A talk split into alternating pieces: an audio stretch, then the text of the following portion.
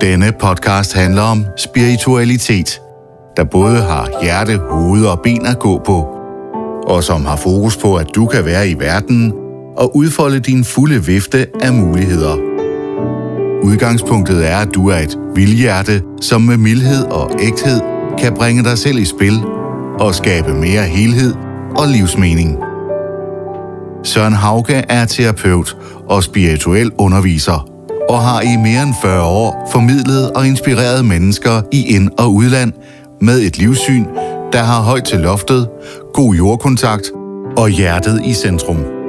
Giv dig selv muligheden for at mærke, at nye perspektiver og forståelser kan få plads i dit liv. Det kan ændre din opfattelse af dig selv og verden, og give dig mere gnist, nærvær og livsmod. Velkommen til femte episode af min podcast. I dag er temaet genopdagelsen af det indlysende.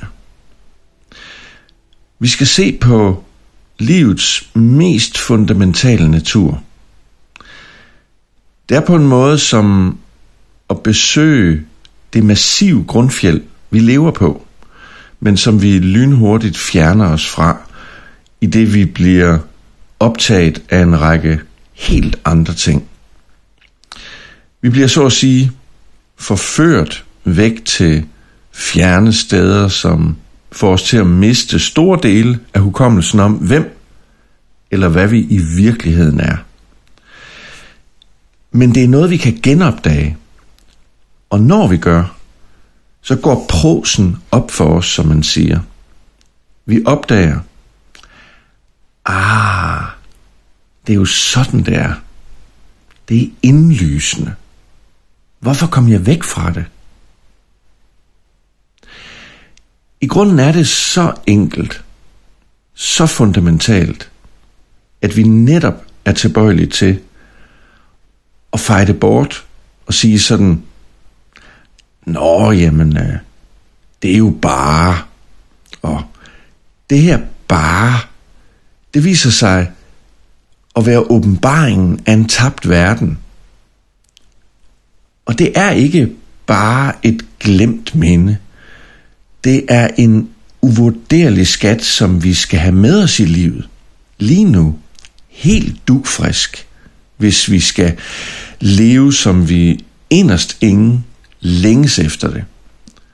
Og ikke at glemme, hvis vi får det fundet igen, hvis vi får det fundet frem, så frisætter vi en vivlende vind, som vil bringe fornyelse til verden igen. En fornyelse, som vi desperat behøver, og som verden hungrer efter. Dette indlysende, som vi har tabt, vil jeg sætte ind under fire overskrifter. Og hver af disse overskrifter gemmer på en hel verden i sig selv.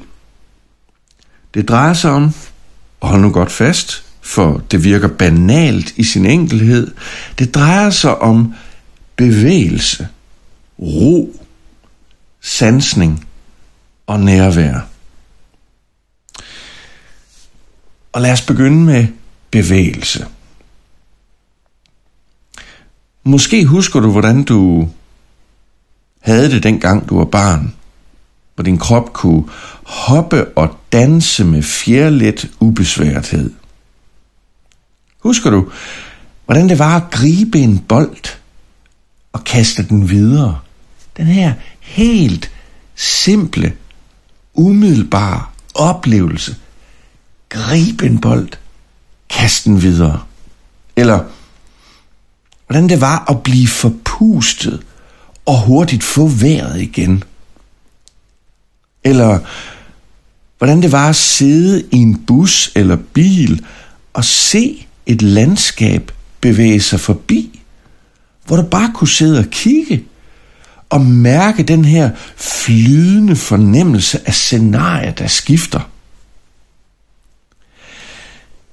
En gang var det mirakuløst, at noget bevægede sig, og at du kunne bevæge dig. Det var inden verden blev pakket ind i tunge forestillinger og besværlige manøvrer, hvor du skulle lære, hvad man gør og hvad man ikke gør, hvad der er rigtigt og hvad der er forkert, hvad man bestemt ikke gør i vores familie, og hvad man skal huske, man aldrig skal glemme, når man er i byen hos fremmede, og så videre, og så videre. Kan du huske, da dit hoved begyndte at blive tungt med regler og normer og rutiner og tilretninger, alt sammen noget, der skulle indøves. Der er ikke noget forkert i det, men der skete noget der. Du blev lige så stille flyttet væk fra de enkle sandheder og blev introduceret for en meget kompliceret verden. Og da verden blev tilpas indviklet, så var det lykkedes at forføre dig og bortføre dig væk fra noget af det, som var indlysende. Du mistede noget dengang. Ikke fordi det var forkert at blive ældre, eller forkert at tænke, men måske snarere fordi du blev overbevist om, at nu skulle du noget andet. Og det, som du dengang tabte, det findes faktisk stadig nede i dit dyb. I dag er det faktisk muligt at genvinde det. Det er faktisk snublende tæt på hele tiden. Men du har brugt millioner af gange på at skubbe det ud i periferien. Så du kan bringe det tilbage i dit liv. Som en ren gave. Og lad mig give dig to veje, som begge er lige ved hånden, når det handler om at genopdage det mirakel, som bevægelsen er. Det, at du bevæges, og at noget bevæger sig. Det første spor, det er at genopdage magien i at bevæge dig og din krop. Da jeg var teenager, der gik jeg, jeg begyndte simpelthen helt bevidst at gå ture for mig selv. Og inden du nu begynder at tænke, at jeg var sådan lidt socialt afvigende, så tror jeg lige, jeg skal understrege, at jeg havde meget nemt ved at omgås mine klassekammerater, og jeg var vældig, og tingene fungerede. Jeg øh, kunne godt lide at være sammen med kammerater, og var på mange måder helt normal. Ikke noget, der stak ud. Måske lige bortset fra, at øh, mine klassekammerater godt vidste, at jeg havde en verden, en optagethed, som de ikke rigtig kunne håndtere. Men det var noget, som var sjovt og venligt, og det gav anledning til nogle pusseløjerlige øgenavne, som vi konstant gav hinanden. Men når jeg var alene med mig selv, så udforskede jeg livet og min indre og ydre verden helt på min egen måde. Og som sagt, jeg gik bevidst ture med mig selv, eller for mig selv. Og øhm, jeg yndede at gå væk fra det vilde kvarter, hvor jeg voksede op, og ud på små veje uden for byen. Ud til skoven. Og jeg opdagede, hvor forunderligt det er, at kroppen bevæger sig gennem landskabet. Det var mig og kroppen og bevægelsen. Og mit hoved begyndte at blive mere stille i den proces. Jeg var inspireret af læsningen og lytningen til den spirituelle lærer Jiddu Krishnamurti. Han var en stor held i mine unge dage, og det er han stadig. Um, men den måde, jeg blev påvirket på, det var, at jeg fik et spontant behov for at mærke, hvordan det var bare at være med mig selv. Og være nysgerrigt undersøgende i forhold til at være vågen og være aktiv. Og disse her gåture, de blev noget af en øjenåbner, fordi netop når jeg var alene og gav mig selv lov til at mærke, hvad det ville sige at bevæge mig, så stillnedes støjen i mit hoved. Det var ikke en kamp. Det var fordi, at jeg simpelthen var for interesseret i at udforske bevægelsen og følelsen af min krop i bevægelse, at mit sind, det holdt op med at snakke, fordi det er ligesom, okay, var der måske noget at følge med i her? Og det er en velkendt metode til, at dit indre snakkeri, det toner bort. Det er, at du er så interesseret i det, du laver, at dit distraherede og distraherende sind, det bliver mere stille. Så det jeg vil anbefale dig, det er at give dig selv nogle frirum, hvor du bare kan gå med dig selv. Og jeg ved godt, der er mange mennesker, der elsker at gå ture. Men jeg vil opfordre dig til at komme ud af en eventuel vane med, at så går du på en bestemt måde, og så tænker du på en bestemt måde, og det er meget hyggeligt.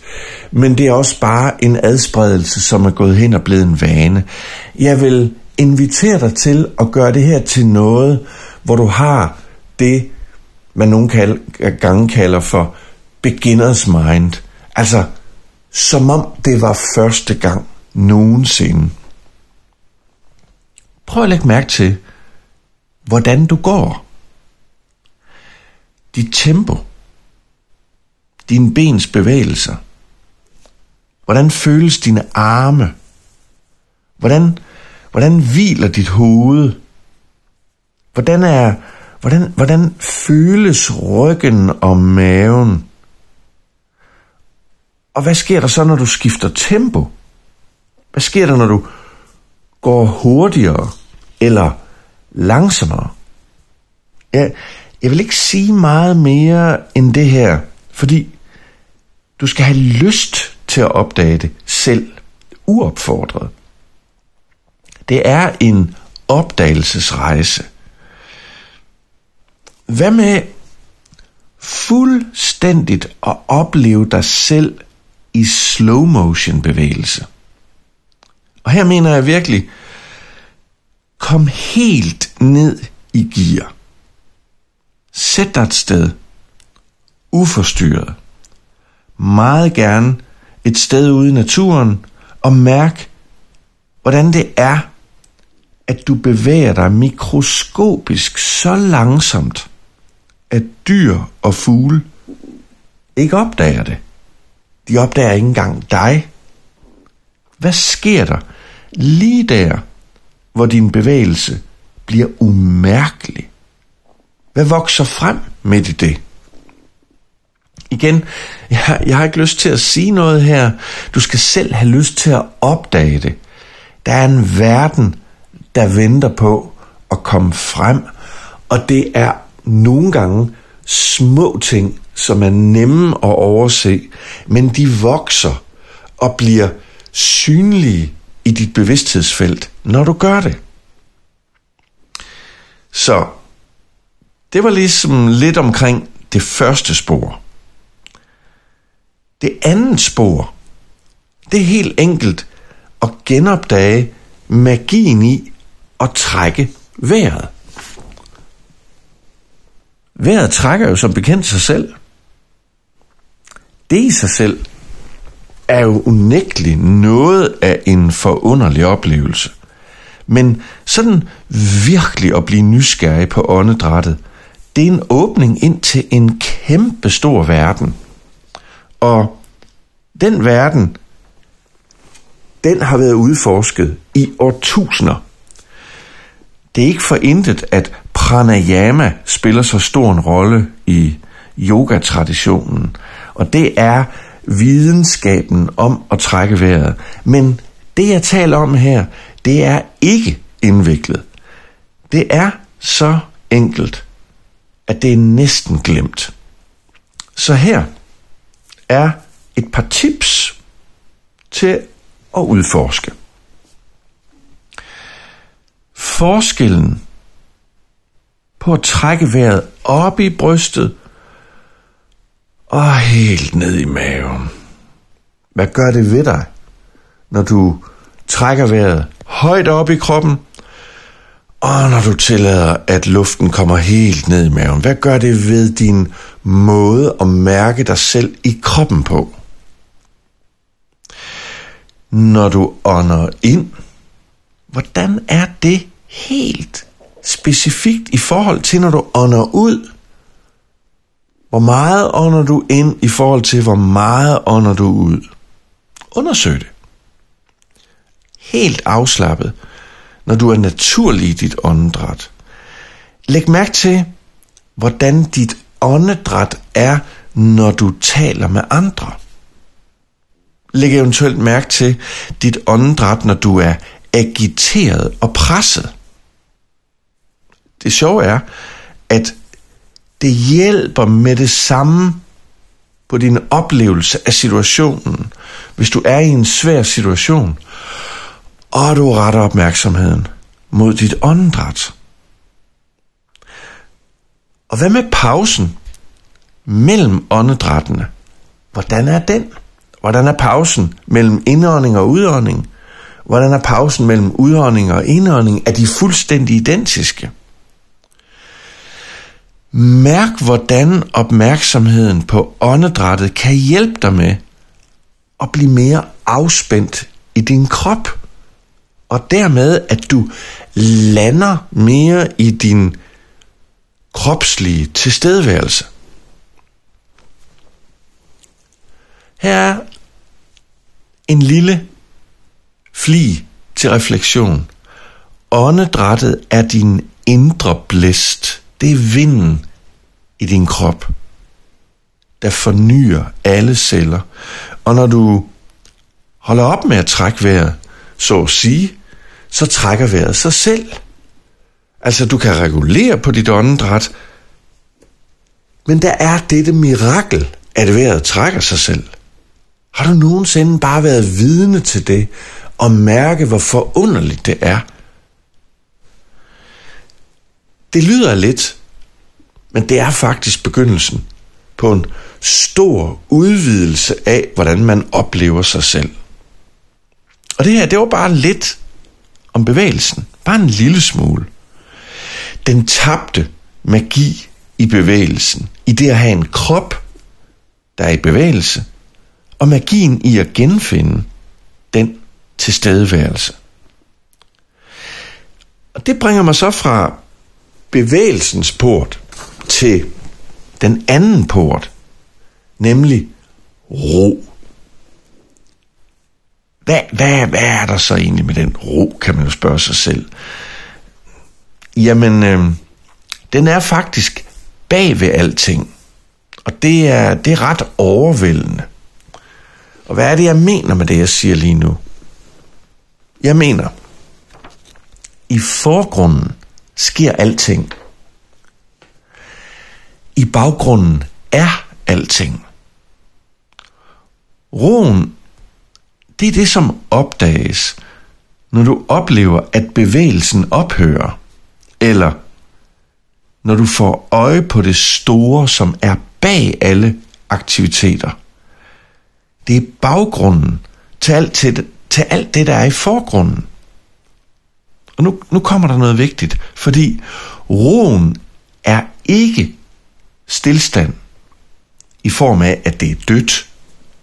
Roen er levende. Det, som er i ro, er meget levende. Overvældende levende. Jeg vil sige det sådan, at aktiviteter, energiske forandringer, lyde, former, farver, det er alt sammen levende, fuldstændig rigtigt. Men, men det er mere sammenpresset levende. Baggrunden derimod, roen, den er som en kæmpe stor, udspændt, levende fylde. Altså hvis du tager dig tid til at opdage den. For som regel, der bruger vi næsten al vores energi på det, som ikke er ro. Og det er derfor, vi bliver sjældne gæster i roens verden. Derfor bliver vi også uerfarne. Vi har ikke trænet registreringen, perceptionen af roen. Og når det er tilfældet, så har vi et problem. Fordi så er det svært at tænke, jamen skulle det nu også være noget? Så det er derfor, jeg siger, det rolige, det er ikke dødt. Det er så levende, at vi ofte flygter væk fra det og ind i det velkendte, ind i de støjende forandringer. Vi vil afveksles, vi vil adspredes. Og jeg siger det lige igen, vi vil spredes. Vi vil spredes ad, du kan næsten høre det, og være spredt, være spredt ud, fordelt i et tyndt lag. Spredt ad, som når noget bliver tabt på gulvet og går i tusinder af stykker. Det kan vi kalde afveksling. Afveksling er noget, der er spredt. Men roen, den er samlet. Den er overvældende, når vi giver den plads. Og måske derfor, når noget er overvældende, huh, så bliver det lidt for meget. Så måske skal vi tage nogle små skridt. Roen rummer al den kraft, vi behøver til det adspredte. Og når vi indimellem udmattede synker ind i roen, så er den jo en lise, så er den vederkvægende, det vil sige restituerende, livgivende, oplivende. Du kender det garanteret. Sjældne øjeblikke, hvor man er udmattet, og hvor det bare kan virke så dejligt, ligesom at falde til ro. Og det, der vanligt sker, så er det, at så synker man ind i søvnen. Så man når ikke at opleve roen ret længe, bing, så er man væk. Men i roen samler vi kraften, som vi bruger i adspredelsen. Så lad mig give dig to veje til roen, som begge er livehånden. Og det første spor ind til roen, det er en øvelse, som ikke er en øvelse. Jeg kalder det også for ikke-øvelsen. Fordi i en øvelse, der skal du noget. Du skal øve det. Du skal gennem A til B. Du skal opnå noget. Her, der skal du ingenting. Du skal lige præcis absolut ingenting. Giv dig selv en stund, hvor du bare kan være. Du skal absolut ingenting. Det er det, som er hemmeligheden.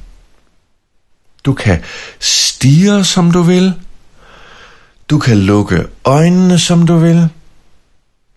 Du kan mærke, at du bare er. Hjertet slår.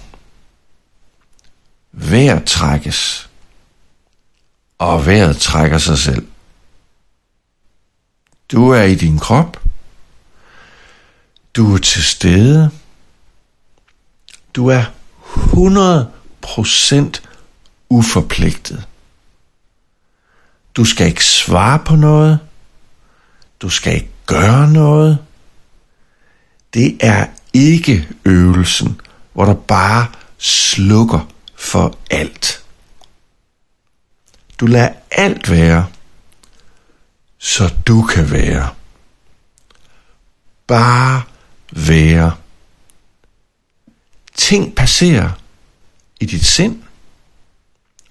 Ting passerer omkring dig. Du er bare. Og derfor bliver du, til du synes, det er fint at vende tilbage. Det kan tage et minut. Det kan tage 10 minutter. Det kan tage længere. Det kan tage kortere indimellem, så slukker du bare alt. Du bliver notifikationsfri. Du går i ro. Du bliver utilgængelig. Slipper alt. Giver slip. Helt enkelt. Det er det første spor. Prøv det. Eller prøv ikke at prøve det. Bare gør det. Eller gå fra at gøre det til, at det får lov at ske. Leg med det. Vær nysgerrig, vær uforpligtet. Uforpligtet interesseret. Du skylder ikke nogen noget. Du går bare i ro. Du er off-grid. Du er frakoblet. Det er svært at sige i en tid, hvor alt handler om at være koblet til og være på. Her er du koblet af, du er ikke på. Du er slukket. Du er i ro.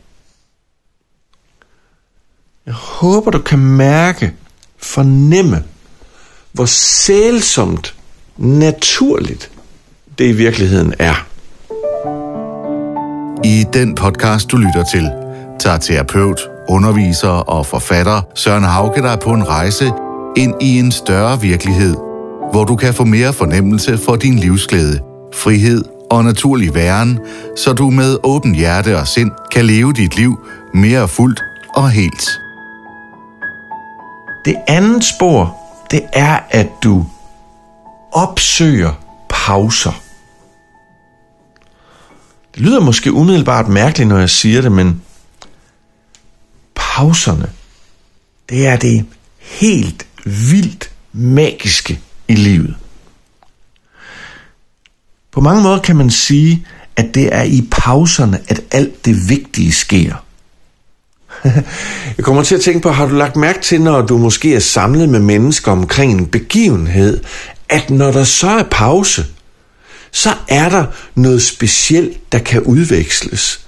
Og det er ofte pausen og det, der er sket i udvekslingen mellem mennesker i en pause, og hvad man har delt med hinanden, som kommer til at fylde rigtig meget. Nogle gange kan det komme til at fylde så meget, at det er pausen, man husker. Det er da lidt interessant i sig selv. Lige der, hvor det ene er ophørt, og det andet ikke er begyndt endnu, der er pausen. Et eksempel kan være, når du taler, har du tænkt på, at det er i pauseringerne, hvor du får kraften og fylden til det, du siger? Hvis du taler uden mellemrum mellem ordene, så bliver ordene bare til støj. Lydene, det bliver bare en kontinuerlig bevægelse. Prøv at lægge mærke til, hvordan det er, når jeg snakker nu. Er det spændende at høre på, når mit tempo det er meget højt, og jeg ikke tager pauser, og det hele det kører derud af? Nej, det er dybt uinteressant. Det larmer, gider du godt holde op. Jo, jeg gider godt holde op. Det er bare en kunst at lære. Hvis du taler uden mellemrum mellem ordene, så bliver det til støj, der bare er enerverende. Du kan eksperimentere med det. En gang så talte jeg faktisk ret hurtigt. Og jeg blev hurtigt udmattet. Jeg har været foredragsholder og underviser lige siden jeg var 20 år, øh, men jeg kan tydeligt huske, hvor træt jeg blev, når jeg havde formidlet noget. Og ja, jeg var begejstret og engageret. Det gjorde folk godt gad at høre på det, jeg sagde. Men når jeg har hørt optagelser af min undervisning dengang helt tilbage i 80'erne, så bliver jeg lidt stakåndet, når jeg hører på ham, den unge mand, der har så travlt med at få fortalt alt muligt. Du kan eksperimentere med det. Det her, det er, det er virkelig noget, som er værd at opdage. Altså selv så begyndte jeg at øve i pausering og nedsat hastighed. Og det sjove var, at det gav mig energi. Men der opstod også mere nærvær. Øh, der opstod et dybere rum, også når jeg samtalte med folk. I hvert fald kunne jeg mærke, at det blev anderledes. Og det gav mig energi, masser af energi. Og det, det er en kunst at opdage, at det er stillheden og mellemrummene mellem ord og sætninger, som lader ordene og sætningerne op, så at sige. Det, det er det samme med musik. Det er stillheden, der giver lydende betydning. De fleste de er, de er meget nervøse for pauser, det kender du garanteret. Øh, hvad, hvad, hvad skal man så? Øh, så det siger folk. Eller noget andet, ikke? Altså, pauser er pinlige. Nej, de er ikke. Pauser er ikke pinlige. Pauser er fantastiske. Det er fordi, vi har udviklet en kultur, hvor vi ikke kan mærke os selv længere. Man siger også, at når der bliver stille blandt en gruppe mennesker, så går der en engel gennem rummet. Er det ikke ret forunderligt, at det udsagn overhovedet findes? Pauser, det er der, hvor magien begynder. Pauser, det sprækker ind til det større liv. Pauser er mellemrum. Vi har brug for mellemrumsbevidsthed, som jeg plejer at sige det. Vi har brug for at værdsætte overgangen, hvor livet kan skifte, hvor noget betydningsfuldt kan få plads. Vi er, vi er blevet A til B neurotikere. Vi behøver mellemrum. Det er der, vi kan trække vejret. Har du lagt mærke til, at det ofte på steder, hvor mennesker færdes, er mellemrummene eller der, hvor der ikke er noget, der ofte er meget forsømte? Har du lagt mærke til, at hvis man begynder at gøre noget smukt ved de mellemrum, sådan så det bliver til oaser, så bliver der dejligere at være i de områder. Når alt står stille, så lyt. Vær til stede, vær med. Opdag mellemrummene. Det er der, hvor noget er slut, før noget begynder. Lige der. Der er en hel verden at opdage, en rigdom at finde, som ændrer hele livets gang. Man siger også, at tale er sølv, stillhed er guld. Jeg kunne have lyst til at sige, at stillheden forgylder alt andet. Og det her, det er jo bare at kratte lidt i en fli på noget. Det er bare lidt om, hvad der gemmer sig i roen. Blot en åbning. Hvis du er ude i naturen, så læg mærke til, at når du sætter dig ned og bliver stille, og der er ikke bare gået et halvt minut, men der måske er gået fem minutter, har du så lagt mærke til, at naturen begynder at ændre sig omkring dig? Dyrene ændrer adfærd, fordi de accepterer, at du bare er en del af det, der er. Og så bliver du vidne til noget, du slet ikke sansede før, da du bare var aktiv. Det er da vildt interessant. Og når det handler om naturen, hvor vi virkelig bruger vores sanser, så bringer det mig over til den fjerde, undskyld, den tredje åbning, nemlig sansning. Nogle af mine stærkeste erindringer fra dengang jeg var barn, det er rene sansninger. Og det var på sin egen uskyldige måde ren magi. Kan du huske sanseindtryk fra da du var barn? Hvor længe er det siden, at du har haft den slags sanseindtryk som voksen? Eller har du helt glemt det? det er værd at forholde sig til. Vi fødes ind i livet med en utrolig overvågenhed over for det sanselige. Vi er i det sanselige. Læg, læg mærke til, hvor enkelt det her det er. Dråber, der løber ned ad en rude. Lyden af regn, der trummer på taget.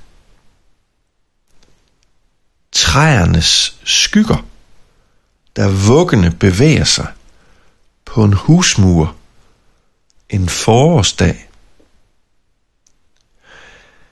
Smagen af hindbærsaft i mormors have en solbeskinnet sommerdag. Havmågernes skrig på havnen. Duften af risengrød til jul. Tændte lys i mørket. Det gule skær fra vinduerne. Jeg kan huske lugten af min barnevogn, da jeg var spæd. Jeg ved godt, mange siger, det var godt nok tidligt. Ja, men jeg kan jo kun sige det sådan, som det var. Jeg kan også huske følelsen af frisk luft på mine kinder, mens jeg lå der i barnevognen og gled ind i søvnen. Og jeg kan huske følelsen af at sidde oppe i et træ, som jeg var kravlet op i som dreng. Den der vuggende fornemmelse, oplevelsen af større udsyn, den der fornemmelse af barken på træets grene, og duften min hænder fik, når jeg fik harpiks på den, eller, eller sollyset inde i stuen en gang, da jeg hørte noget klassisk musik i radioen i mit barndomshjem. Jeg har stadigvæk den der fuldstændig klare oplevelse af det der mættede sollys, og den der stemning af det der specielle musik. Vores verden er mættet med sansninger i vores tidlige liv, og gradvist så svinder det ind efterhånden, som andre ting begynder at fylde. Jeg kan sjovt nok også huske, hvordan tankernes indpas i min barndom var. Jeg kan, jeg kan lige så tydeligt huske, hvordan jeg oplevede tanker, forestillinger, stemninger, som en, en form for indre væsener eller former, der fyldte op og bevægede sig inden i mig. Det var, det var en indre verden, der blev levende. Jeg kan også huske, hvordan jeg mærkede, at den indre verden var sælsomt levende, men også at den optog plads for alt det, som jeg gerne ville sanse i den ydre verden. Og det lyder måske næsten mærkeligt, når jeg siger det, men, men sådan var det for mig. Der kom, så at sige, indre aktivitet, som jeg var vidne til, ligesom jeg var vidne til mine ydre sansninger. Og her er noget, som du direkte kan undersøge selv. Læg mærke til, at hvis du sanser noget, og du så begynder at tænke over det, så trækkes noget af energien straks ud af sansningen. Du kan ikke, du kan simpelthen ikke på samme tid være sansligt vågen og i dyb refleksion. Det lader sig ikke gøre. Du kan prøve det. Tankeaktivitet nedsætter sansetydeligheden. Du kan undersøge det ved at se meget opmærksomt på noget, og så prøve at tænke over det samtidig. Det lader sig ikke gøre. Jo, du vil selvfølgelig sige, eller måske sige, jo, det kan jeg godt. Men så er du ikke klar nok i observationen. Jeg beder dig om at være ekstra opmærksom. Du kan sagtens se på noget og tænke samtidig, men det jeg siger er, hverken sansningen eller tænkningen er på fuld styrke, hvis du gør det samtidig. Du kan heller ikke lytte meget opmærksom til noget, og så tænke over det samtidig. Ikke fuldt ud. I reduceret grad ja, men ikke i ren form.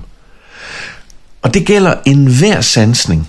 Smag, lugt, berøring, hørelse eller syn. Derfor, hvis du virkelig vil skrue op for sansningens intensitet, så må du skrue ned for tænkningen, mens du gør det. Bagefter kan du reflektere, men øv dig i at skille det ad. Fordi normalt er det sammenfiltret, og det gør, at vores oplevelse af verden bliver mere diset, mere dæmpet, mere nedsat. Men det jeg altså beder dig om, det er at være tro mod det sansende felt, mens du er i det. Og det er præcis det, jeg siger her. Det er en nøgle til at udforske sansningens magiske verden. Fordi der vokser simpelthen noget frem, når din mentale, distraherende aktivitet leder dig væk fra at være i det. Vi kommer konstant væk fra det, som er lige foran os, eller inden i os. Giv dig selv særlige stunder, hvor du bringer din sanslighed til live igen. Der er utallige måder at gøre det på. Gå med bare tæer i græsset en kølig efterårsdag. Eller gå udenfor, når det blæser, og mærk, hvordan det egentlig er, når vinden stryger igennem dit hår og på din hud, og får dine øjne til at løbe i vand. Sæt dig under et træ i fred og ro, og mærk, hvad der sker, når du har siddet stille i noget tid under træet. Det handler ikke bare om at få en oplevelse, det handler om at begynde at mærke mere fuldt, hvad der sker. Hvordan opleves træet bag din ryg, når du sidder stille op ad det? Du begynder simpelthen at opleve anderledes. Det handler ikke om bare at få en oplevelse. Det handler om at blive en oplevelse. Det handler om at begynde at leve mere fuldt og helt igen. Det er det, det handler om. Det er forbløffende, hvad det lige så stille bevirker i dit daglige liv, når du genoplever din sanslighed. Du sætter uforudsigelige bølger i bevægelse. Jeg siger det bare. Du risikerer at blive mere umiddelbar og mere lejende i din hverdag. Der er fare for, at du bliver åben for skøre og uproduktive indfald i dit liv, som for eksempel at blive mere ærlig med, hvad du faktisk har lyst til, og at det er på tide for dig at gøre ting, som du tidligere skar væk fra dit liv, fordi du havde alt for travlt med alt muligt andet. Det er risikabelt at blive mere sansende, og blive mere til stede i det, der er omkring dig og inden i dig. Og det bringer mig over til den fjerde og sidste port. Nærvær. På en måde kan jeg sige, at bevægelse og ro og sansning, alle tre folder sig ud i det fjerde, i nærværet. Jeg kan også sige, at i takt med, at du bliver mere opmærksom og vågen i bevægelsen, og i roen, og i sansningen, så vokser der nærvær frem i det hele. Nærvær eller tilstedeværelse handler helt enkelt om din bevidsthed. Ikke bevidsthed om det ene eller det andet, men selve bevidstheden. Og hvad er så det? Bevidsthed er at være vågen. Og sagt lidt pudsigt, så er der forskel på at være vågen, og så at være bevidst vågen. Altså, alle er bevidste i større eller mindre grad, naturligvis. Men at være bevidst om, at du er bevidst, det er en helt anden dimension. Det er nemlig her, meditationens hemmelighed befinder sig. Meditation vil sige at være bevidst vågen. Og det betyder, at vågenhedens dybde stiger. På en måde kan man sige, at alt det, jeg har sagt indtil nu om bevægelsen og roen og sansningen har handlet om at invitere din opmærksomhed hen mod bevidst vågenhed. Billedligt talt, så er du 24-7 ikke kun vågen i forgrunden, men når du bliver mere bevidst vågen, så begynder du også at inkludere din større vågenhed i baggrunden. I din baggrund. Der er forskel på at være bevidst i din forgrund, og så også at blive bevidst i din baggrund. Jeg taler selvfølgelig billedet lige nu. Men det er det, der er det afgørende her. Det er helt enkelt som at skrue op for lysstyrken i din tilstedeværelse. Og det rejser måske så et interessant spørgsmål, fordi har du egentlig overhovedet lyst til at være mere vågen? Har du så mange udfordringer i dit liv, at det simpelthen gør ondt at være vågen? Og der må jeg så sige, det er så et helt andet tema. Det tager jeg helt sikkert op i både den ene og den anden og den femte podcast. Men det at have ondt i livet, som gør, at man ikke har lyst til at være mere vågen, det er ligesom et helt tema for sig. Så det jeg peger på lige nu, det er måske mere bare tendensen til at blive i det halvvågne. Er det ikke, kunne man sige sådan, meget hyggeligt bare nøjes med sådan en, en lille læselampe af vågenhed, i stedet for sådan en blændende 1000 watts pære, der skærer i øjnene. Hvad skal jeg med al den vågenhed? Og dertil vil jeg så sige, jo, hvis det var så simpelt, så foretrækte jeg da også selv en, en lille hyggelig flamme til læsning under dynen. Men det er altså noget helt andet, jeg snakker om. Den bevidsthedsvågenhed, jeg taler om her, er snarere som gradvist at vågne op fra en flad og brudstykkeagtig drøm til en langt mere fyldig, glædesfyldt og meningsfuld måde at være i livet på. Der hvor alt det indlysende, som man plejer at gøre, toner bort, og der er noget andet, der ligesom vokser frem. Det er en anden måde at være i livet på. At skrue op for bevidsthedens nærværslys handler i meget høj grad om at begynde at sanse og mærke med hver eneste fiber i dit væsen, hvordan du er her i verden, for at udfolde dit fulde register, og at du kan forlade gråtonernes skyggeliv til fordel for en betagende farverig verden med dybder og fylde. Jo mere du giver plads til at være bevidst vågen i dit liv. Jo mere du mærker og erfarer, at du er til stede, desto mere oplever du, at du altid er levende forbundet med alt omkring dig. Du er ikke længere en isoleret dibidut. Du er ikke bare ensom og isoleret, men du er faktisk altid en del af en gigantisk fortælling, som er lige her og lige nu. Og du bliver kaldet til at være medskaber i det større liv, som du er en del af, med dine talenter, der kan fuldende dine inderste længsler og drømme. Det er dit liv. Det er dit liv, som det handler om.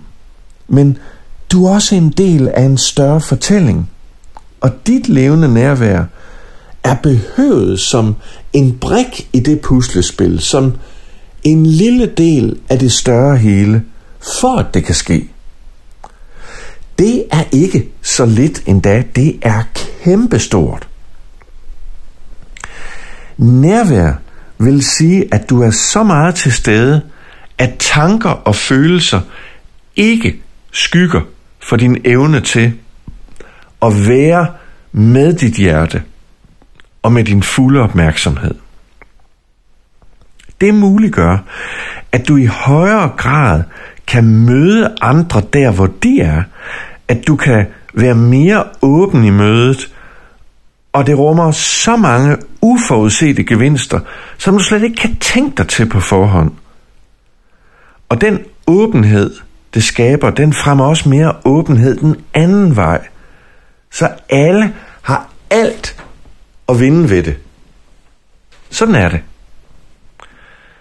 De største spirituelle discipliner og praksiser, eller hemmeligheder om du vil, er altid de enkleste.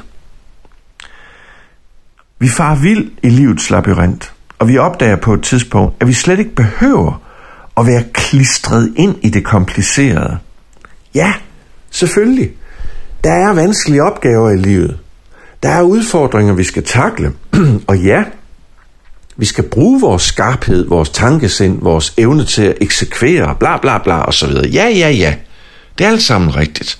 Men vi er alt for sammenklistrede med opfattelsen af, at livet skal være kompliceret og tungt og besværligt.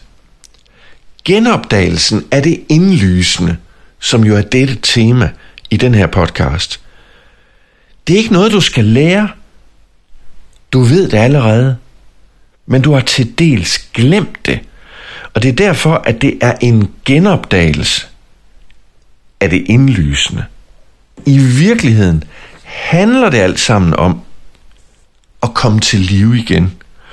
At komme ud af voksenlivets dødvande og bringe din barndom og dine unge dage med ind i der, hvor du er nu.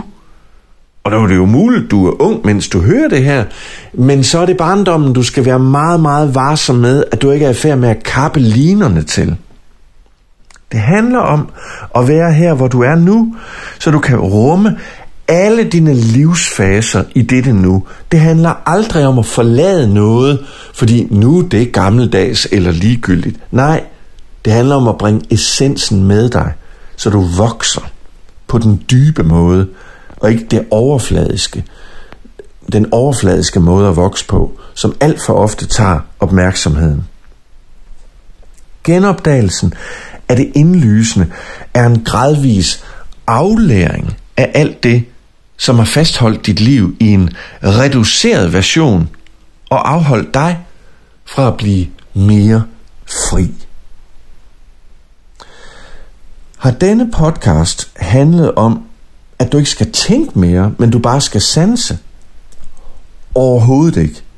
For sagen er, at når du bliver mere bevidst vågen, så kommer der en dybere bevægelse i dit liv – en større ro i din hverdag og en mere udfoldet palet i dit sanseliv, som befrugter dit tankeliv, dine forestillinger og din følelsesverden, så du bliver mere levende, mere til stede, mere ægte, mere kreativ.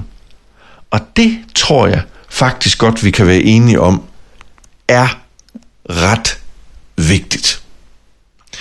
Det har du brug for, og det behøver verden. Den her episode af Vildhjerte podcasten var et bidrag i den retning, en smagsprøve ind i det store liv. Stay tuned, og så øh, høres vi måske ved i næste episode. Jeg er Søren Hauge, og øh, du er meget velkommen til at følge mig på Instagram, hvor jeg hedder Gentle Wildheart. Du kan modtage mit nyhedsbrev på www.sorenhauge.com og mine seneste bøger finder du på www.wiseheart.dk. Alt godt til dig. Tak fordi du lyttede med.